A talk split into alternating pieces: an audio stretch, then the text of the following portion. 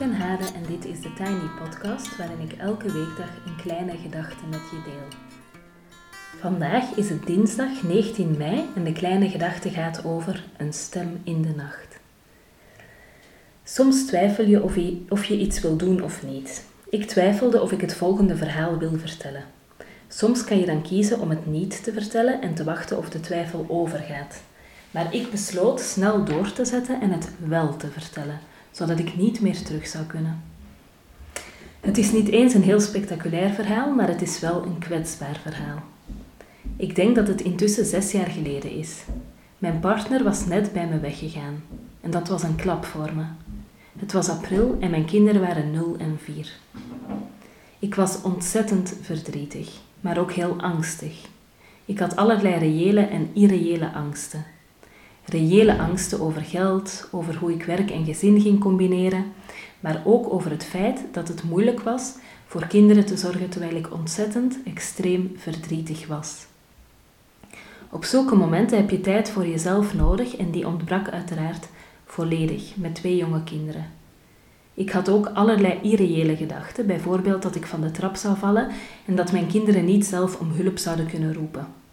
Ik vertelde dit laatst een keer en toen moest iemand een beetje lachen, als in zo een vaart loopt hetzelfde, maar de gedachte aan wat er met je kind moet gebeuren als er iets met jou gebeurt, is een van de heftigste en pijnlijkste en angstigste die je kan hebben. En helaas gebeuren er ook soms gewoon nare dingen. Jaren later hoorde ik van een vrouw die s'nachts onverwacht was overleden. Ze was alleen thuis met haar jonge kinderen, haar partner was op reis. Wekenlang heeft dat door mijn hoofd gespookt en nu soms nog. Hoe die kinderen haar gevonden hebben s ochtends. Dat ze het huis, dat waarschijnlijk afgesloten was, uit moesten komen. Waar ze aangeklopt zouden hebben om hulp. In die tijd was mijn jongste zoon vijf, denk ik, en had ik hem eens gevraagd naar de buren te lopen om iets weg te brengen. Hij kwam onverrichter zaken terug, omdat hij niet aan de deurbel van de buren kon.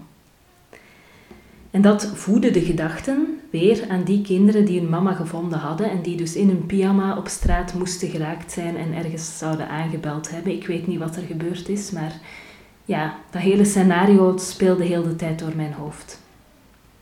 En ik vroeg me dan heel de tijd af, zouden die kinderen wel aan de deurbel van de buren gekund hebben? Anyway, terug naar mijn verhaal. Die ene nacht, ik was er echt heel slecht aan toe. We gaan er vaak vanuit dat relatiebreuken overkomelijk zijn en dat is ook wel zo, denk ik.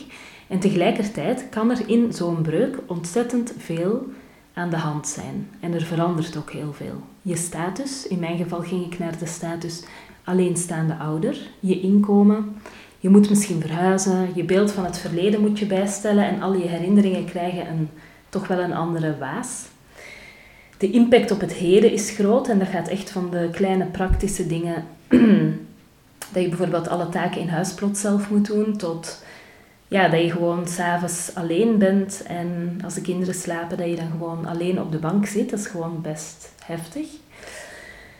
Ehm, en ik bedoel niet dat er iets mis is met alleen op de bank zitten. Ik bedoel alleen als je gewend bent om iemand in de buurt te hebben, dat dan zo die overgang naar het alleen op de bank zitten, dat dat dan ja, gewoon heel zwaar kan zijn.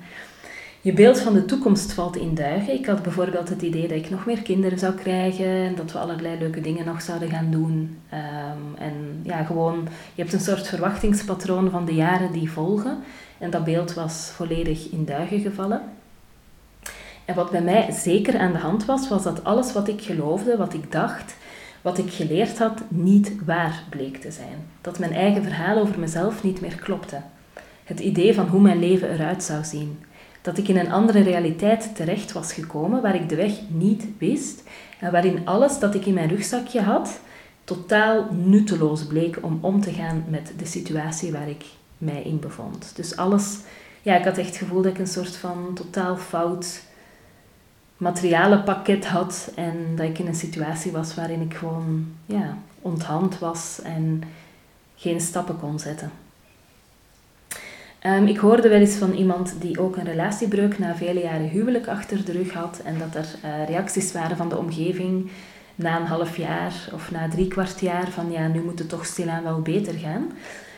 Ehm, en ik denk dat mensen dan vaak ook denken van, nou ja, hij was ook niet altijd zo aardig, of ehm, zij was misschien niet altijd zo'n leuke partner, of zo interessant, of whatever. Dus zet je eroverheen en uh, anders en beter. Dus ik denk dat er een soort, en dat heb ik zelf ook wel ervaren, een soort van, uh, voor buitenstaanders, een soort van vervaldatum is op verdriet na een relatiebreuk. Terwijl ik denk dat dat gewoon heel diepgaand, complex verdriet kan zijn, dat niet alleen met het missen van die persoon te maken heeft, maar ook echt met hoe je, hoe je jezelf ziet, hoe je je leven ziet uh, enzovoort. maar terug naar die ene nacht. Ik zat daar in bed met twee slapende kinderen en een existentiële crisis. Angsten, donkere gedachten. Het was nacht en het was pikdonker. En ik was zo ontzettend bang. Ik haalde de telefoon beneden en ik besloot naar teleonthaal te bellen, want er was gewoon in mijn beleving op dat moment niemand die kon bellen om te vertellen wat er aan de hand was. En ik weet nog dat ik de telefoon pakte en weer weglegde en pakte en weer weglegde. Um, en ik weet niet eens, ik wist op dat moment niet eens wat ik graag wilde vertellen. En ik ging er ook echt vanuit, dat zat ik dan te denken, van er zijn mensen die ergere dingen hebben. Er zijn mensen die meer recht hebben om naar teleonthaal te bellen. Um, het is midden in de nacht, moet ik zo'n vrijwilliger dan misschien wakker bellen? Um, er zijn vast mensen die er erger aan toe zijn. dus ik had allerlei gedachten waardoor ik dacht van ik ga niet bellen. En uiteindelijk belde ik toch. Ik was bang, ik was alleen. Um, er waren twee jonge kinderen bij mij. Um, en ik vertrouwde mijzelf op dat moment ook niet goed. Ik was er gewoon niet goed aan toe. En het feit dat ik niet goed in mijn vel zat en dat, het eigenlijk heel, dat ik heel bang was en dat die twee kinderen wel, dat ik daar wel verantwoordelijk voor was, terwijl ik dat op dat moment eigenlijk niet aankon, dat maakte, denk ik, uiteindelijk dat ik de stap heb gezet om te bellen. En dat vind ik heel moeilijk om te vertellen, maar ik doe het toch. Dus ik belde en toen was er een stem in de nacht. Het was een man en ik heb geen flauw idee meer wat hij zei. Maar er was een stem in de nacht en ik vertelde hoe bang ik was en hij luisterde en hij zei dingen die ik dus helemaal niet meer weet en die waarschijnlijk ook niet heel erg uit hebben gemaakt.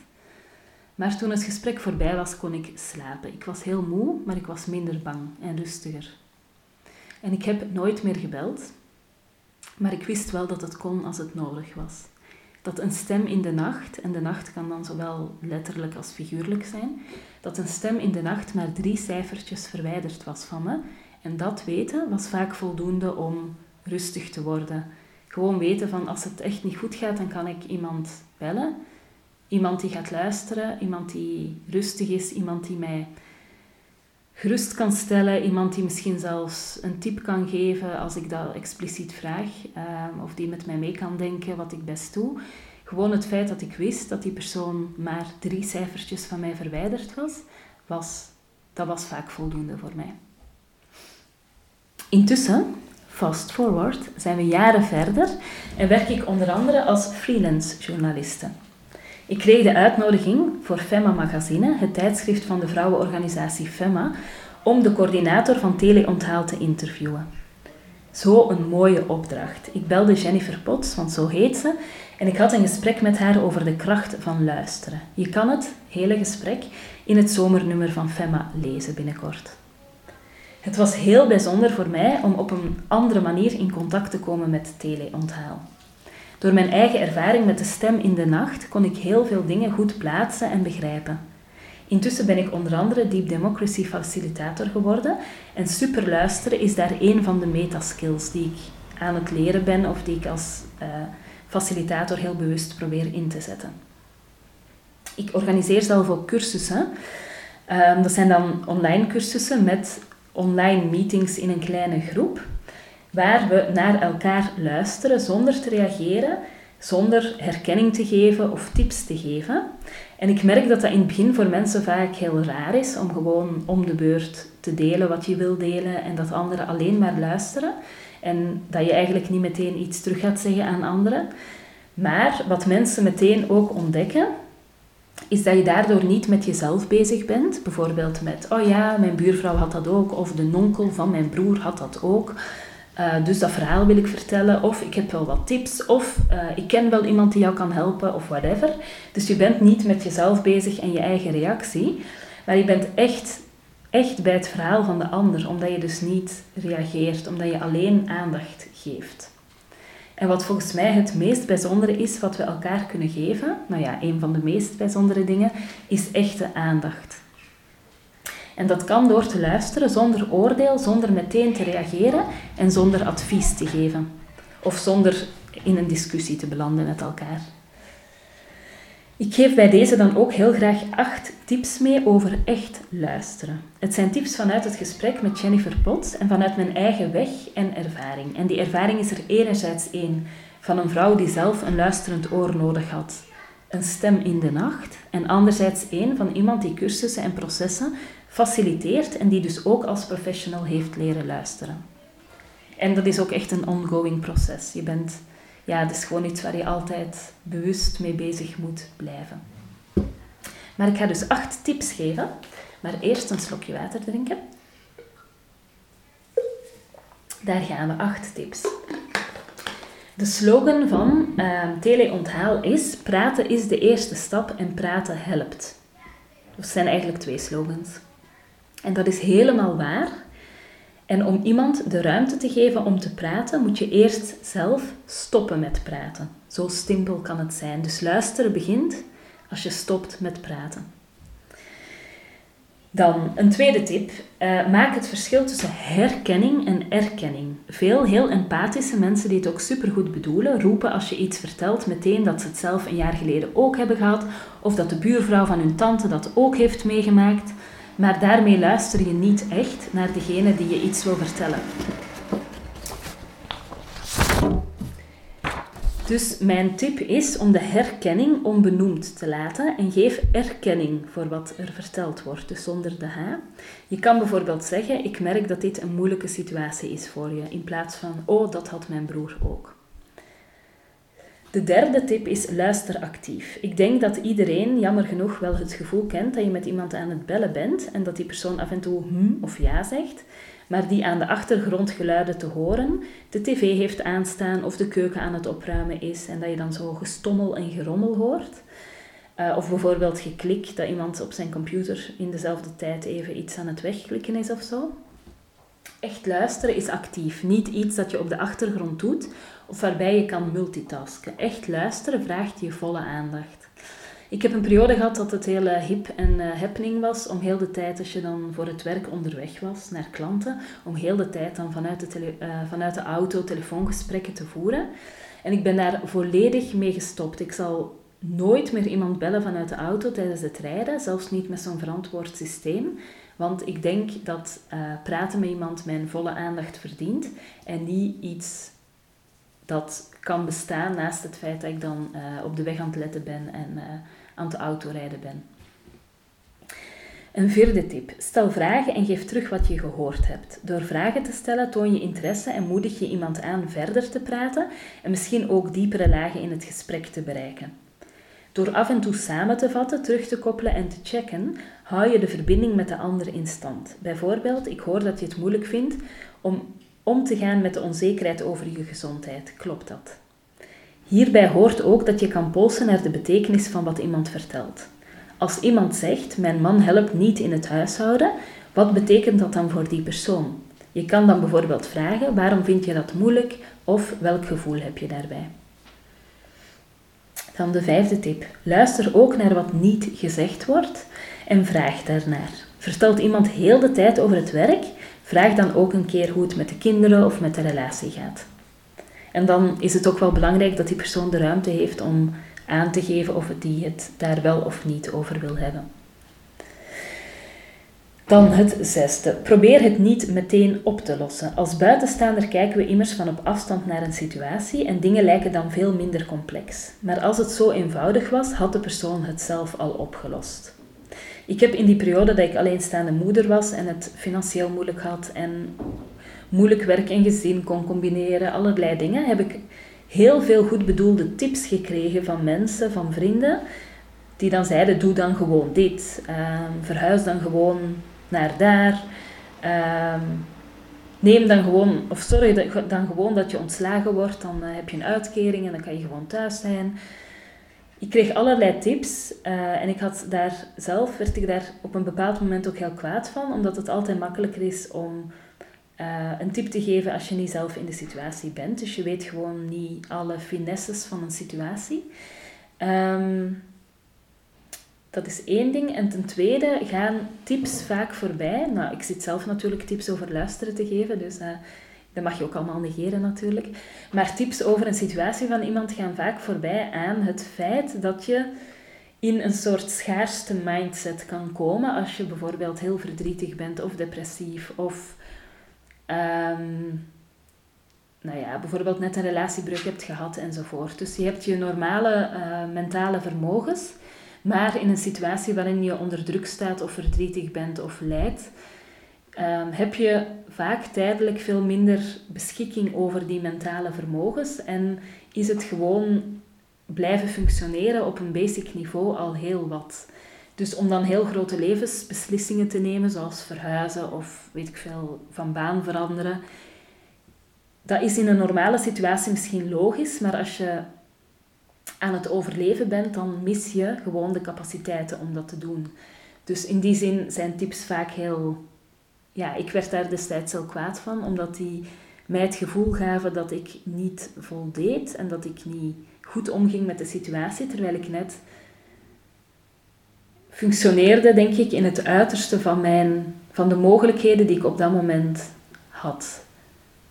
Ja, en ik had het idee dat die tips die dan kwamen, of zo snelle oplossingen, dat dat echt voorbij ging aan, ja, ja, aan die realiteit, hoe dat die voor mij was, zeg maar. Even kijken. Dus, um, ja. De zesde tip was: probeer het niet meteen op te lossen. Als buitenstaander kijken we immers van op afstand naar een situatie en dingen lijken dan veel minder complex. Maar als het zo eenvoudig was, had de persoon het zelf al opgelost. En daarbij is ook het detail van als die persoon in staat was om in die situatie en met de mentale situatie waar dat hij in verkeert, om een stap te zetten, dan had hij dat waarschijnlijk ook al wel gedaan of zou hij dat wel doen. Een zevende tip stiltes mogen er ook zijn. En we voelen ons daar vaak ongemakkelijk bij. Dat heb ik ook heel vaak. Ehm, of heel lang, zelfs heel intens gehad. maar het kunnen uithouden van een stilte is veel beter dan die te vullen met dingen die je gaat vertellen uit ongemakkelijkheid. Uh, waardoor je dan ja, een soort van ongemakkelijke energie krijgt die niemand verder helpt. Iets heel praktisch en concreet daar rond is, als er een stilte is, dan kan je gewoon even diep inademen en uitademen en proberen gewoon zelf op je gemak te zijn. En ehm, dat geeft, denk ik, de andere persoon in het gesprek ook gewoon de ruimte om op zijn tempo of haar tempo terug het woord te nemen. En de achtste is heel kernachtig. Parkeer je eigen mening, oordeel en ervaring. In het gesprek uh, met de coördinator van Teleonthaal uh, hoorde ik ook dat de meeste vrijwilligers bij Teleonthaal vrouwen zijn. En vrouwen uh, hebben een groot empathisch vermogen en springen vaak op als ze kunnen helpen of iets oplossen. En het kan een uitdaging zijn om enkel en vooral te luisteren en niet door te schieten in het geven, geven, geven. En ik denk dat het heel belangrijk is om te onderzoeken waar jouw valkuil daarin ligt en daar een tijdje lang specifiek aandacht aan te besteden. En dat kan je bijvoorbeeld doen, en jullie weten dat ik een fan ben van schrijven, kan je bijvoorbeeld doen door je reflecties op te schrijven. Je kan opschrijven wanneer je weer in je valkuil terecht bent gekomen, wat voor jou de trigger was en hoe je het graag de volgende keer wil aanpakken. Zo. Tot zover de Tiny Podcast van vandaag, die alweer niet heel tiny is, ehm, helaas. Sorry. Um, dan verstel ik altijd nog even dat je me kan volgen op Instagram, TheTinyPodcast. En je helpt me door deze podcast wat sterretjes te geven op iTunes, een review achter te laten en of hem door te sturen aan iemand anders die misschien graag naar deze podcast wil luisteren. En dan heb ik nog twee andere uh, dingetjes die ik ga vertellen.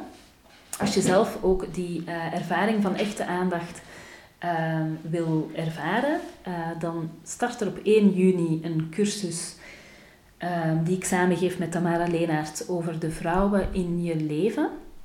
en het onderzoeken zeg maar, van welke invloed die op jou hebben gehad en op hoe jij zelf je vrouw zijn beleeft. Dus dit is een cursus specifiek voor vrouwen.